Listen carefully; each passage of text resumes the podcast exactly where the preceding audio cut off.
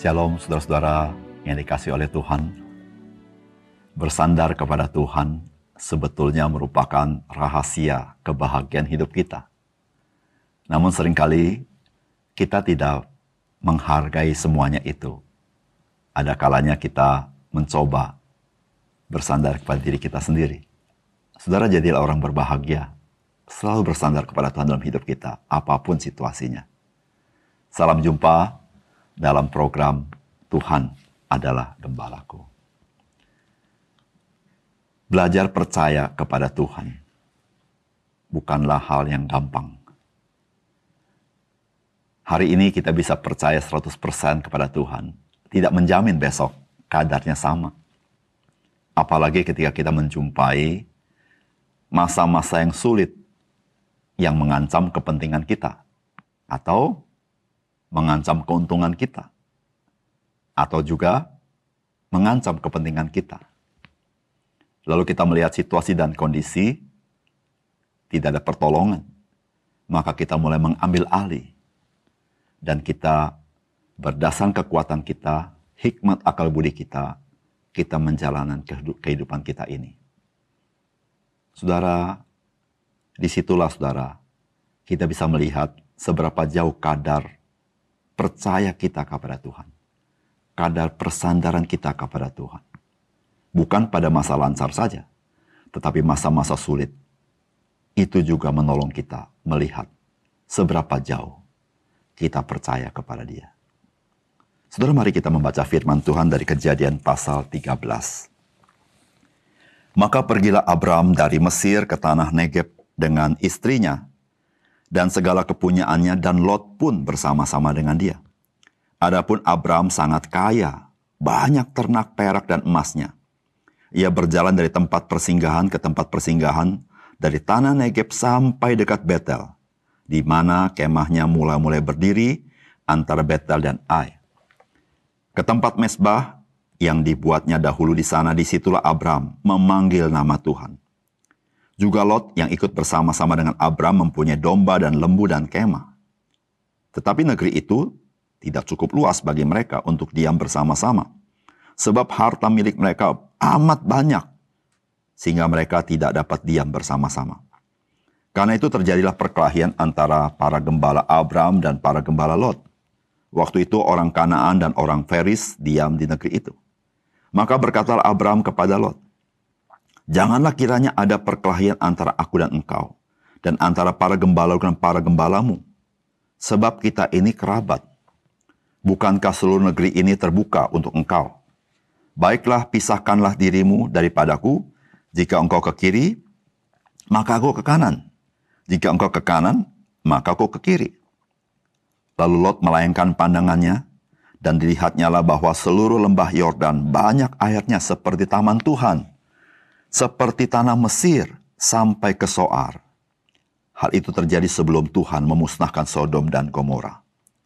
Sebab itu Lot memilih baginya seluruh lembah Yordan itu lalu ia berangkat ke sebelah timur dan mereka berpisah.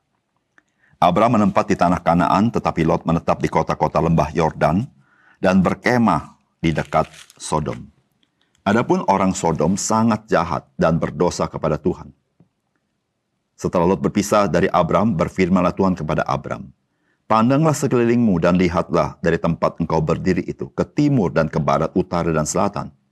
Sebab seluruh negeri yang kau lihat itu akan kuberikan kepadamu dan kepada keturunanmu untuk selama-lamanya dan aku akan menjadikan keturunanmu seperti debu tanah, banyaknya. Sehingga jika seandainya ada yang dapat menghitungnya debu tanah, keturunanmu pun akan dapat dihitung juga. Bersiaplah, jalanilah negeri itu menurut panjang dan lebarnya, sebab kepadamulah akan kuberikan negeri itu. Sesudah itu Abram memindahkan kemahnya dan menetap di dekat pohon-pohon terbantin di Mamre, dekat Hebron. Lalu didirikannya lah mesbah di situ bagi Tuhan. Saudara yang dikasih Tuhan, kisah ini adalah setelah Abram diusir oleh Fir'aun. Maka diusir dari tanah Mesir, Abraham kembali ke tanah Kanaan.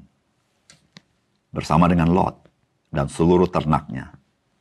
Dan akhirnya ia tiba di Betel. Saudara Betel inilah tempat pertama kali Abraham membangun mesbah bagi Tuhan, beribadah kepada Tuhan dan memanggil nama Tuhan. Dan ketika ia sampai di sini, dia pun memanggil nama Tuhan. Saudara, baik Abraham maupun Lot, kedua-duanya saudara, sangat kaya. Punya banyak ternak. Sehingga begitu banyaknya ternaknya, maka lahan yang ada itu tidak cukup bagi mereka. Sehingga untuk memberikan makan kepada ternaknya, gembala-gembala dari Lot maupun Abraham bisa bertengkar satu sama lain. Maka Abraham di dalam kebijaksanaannya berkata kepada Lot supaya mereka berpisah sehingga tidak terjadi perkelahian di antara mereka. Saudara, mari kita mendapatkan pesan firman Tuhan dari bagian ini. Saudara, yang pertama, Tuhan mengajarkan kita dari pengalaman bahwa kita perlu belajar percaya kepada Tuhan. Saudara Abraham belajar dari pengalamannya, yaitu pengalaman tidak mempercayakan hidupnya kepada Tuhan. Dan dia tahu dia gagal. Saudara pengalaman hidup merupakan pelajaran yang sangat penting dalam hidup kita. Dan janganlah kita jatuh ke dalam kegagalan itu lagi. Saudara Abraham, dia tahu pengalaman hidup dia yang mulai bergantung pada dirinya sendiri. Sekarang dia tidak lagi bergantung pada dirinya sendiri, tapi bergantung sepenuhnya kepada Tuhan dalam hidupnya. Pengalaman hidup kita banyak. Tapi satu pelajaran sangat penting. Supaya kita tidak bersandar kepada hikmat dan kekuatan kita. Tapi kita belajar bergantung kepada Tuhan. Saudara ada banyak pengalaman hidup kita sebagai orang percaya. Bagaimana ketika kita bersandar kepada Tuhan. Ada banyak hal yang melampaui akal budi kita. Tuhan kerjakan namun kita tidak pernah belajar dari pengalaman hidup kita. Kita sering kali mengambil alih hidup kita. Dan kita pikir kita bisa melaksanakannya. Saudara-saudara, mari kita belajar dari pengalaman hidup kita. Menjadi orang yang bersandar kepada Tuhan. Menjadi orang yang mengalami intervensi Tuhan di dalam kuasa dan kasih Tuhan. Saudara, mari kita berjalan terus dengan bersandar kepada Tuhan. Tidak hanya mengandalkan akal budi kita, tapi mengandalkan Tuhan dalam hidup kita. Yang kedua, firman Tuhan hari ini mengajarkan kepada kita, ketika kita mengambil keputusan, mari kita jangan hanya mempertimbangkan keuntungan materi atau keuntungan sesaat dengan mengabaikan perkara-perkara rohani dan perkara-perkara yang berkenan kepada Tuhan. Saudara, Abraham membiarkan Lot memilih tempat di mana dia akan membangun habitatnya. Dan Lot memandang dan dia melihat bahwa tanah Sodom dan Gomora, tempat yang sangat indah seperti taman Tuhan, seperti Mesir yang begitu berkelimpahan, maka Lot memilih daerah itu. Namun Alkitab memberitahukan kepada kita bagaimanakah penduduk kota itu. Nah, Alkitab mencatat, adapun orang Sodom sangat jahat dan berdosa terhadap Tuhan. Saudara Lot tidak mempertimbangkan bagaimana lingkungan di mana dia akan hidup. Yang dia perhitungkan hanya materi. Bagaimana dia bisa mengembangkan bisnisnya, bagaimana ternaknya bisa makan, tapi dia lupa dia membutuhkan kehidupan rohani. Dia membutuhkan Tuhan. Saudara yang kasih dalam Tuhan, dalam kehidupan kita, mari kita jangan mengambil keputusan semata-mata berdasarkan keuntungan materi. Meskipun materi kita butuhkan. Jangan semata-mata mendapatkan keuntungan sesaat, meskipun yang sesaat kita butuhkan. Namun saudara-saudara, dengan cara-cara itu kita mengabaikan perkara-perkara rohani dalam hidup kita. Kita mengabaikan relasi kita dengan Tuhan. Kita mengabaikan kebenaran, kesucian, integritas, dan lain sebagainya. Saudara-saudara, Di awalnya Lot merasa dia memilih tempat yang te tepat sekali. Namun akhirnya dia tahu tempat itu bukanlah tempat yang tepat. Ketika Tuhan menghukum Sodom dan Gomora, dan kita tahu saudara-saudara, istri Lot wafat karena peristiwa itu. Saudara, mari kita mengarahkan pandang kita kepada Yesus Kristus. Kita mencari perkara yang di atas, di mana Yesus Kristus duduk. Dan kita bisa melihat apa yang berharga dalam hidup kita. Sehingga kita tidak kehilangan hal-hal yang bernilai yang Tuhan sediakan dalam hidup kita. Mari kita pertimbangkan rencana Tuhan dan perkara rohani dalam hidup kita. Yang ketiga, dari firman Tuhan ini Tuhan selalu hendak meneguhkan janjinya melalui firmannya untuk memelihara iman orang percaya.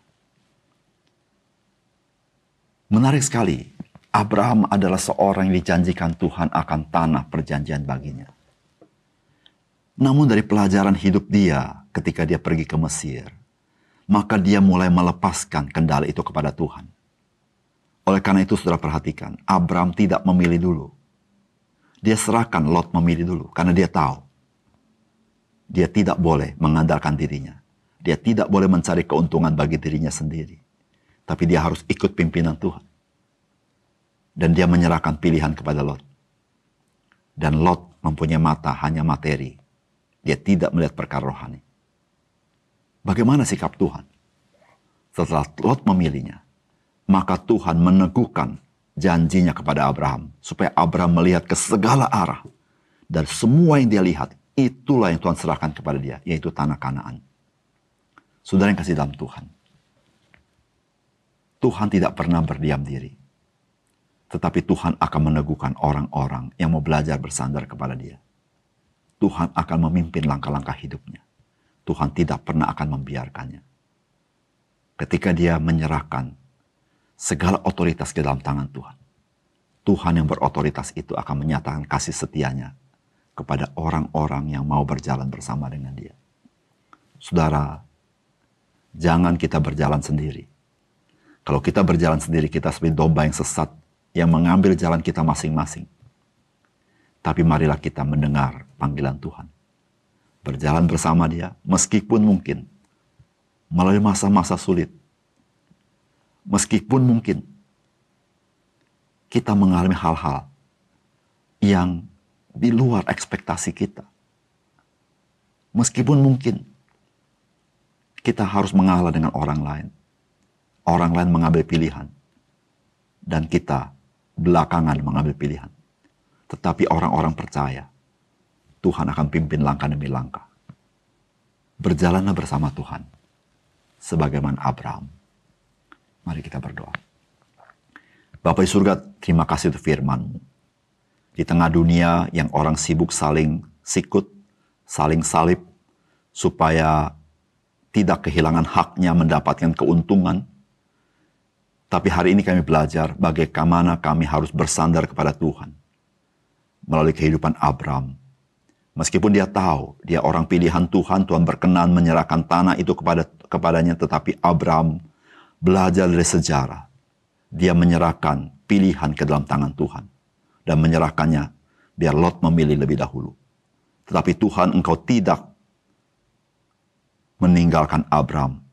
Malah Tuhan mengkonfirmasi akan janjimu. Ya Tuhan ajar kami belajar seperti Abraham. Di tengah masa yang sulit, ketika kami merasa keuntungan kami akan diambil oleh orang lain, ketika kami merasa kepentingan kami akan terganggu oleh orang lain. Ajar kami tidak mengambil alih kehidupan kami dengan tangan kekuatan kami. Tapi kami berserah kepada Tuhan, mengakui Engkau di dalam jalan-jalan hidup kami. Dan kami akan melihat Tuhan tidak pernah mengecewakan kami. Kami serahkan hidup kami hari ini dalam tanganmu ya Tuhan. Mohon berkat Tuhan. Supaya kami berjalan sesuai dengan pimpinanmu. Dalam nama Tuhan Yesus kami berdoa. Amin.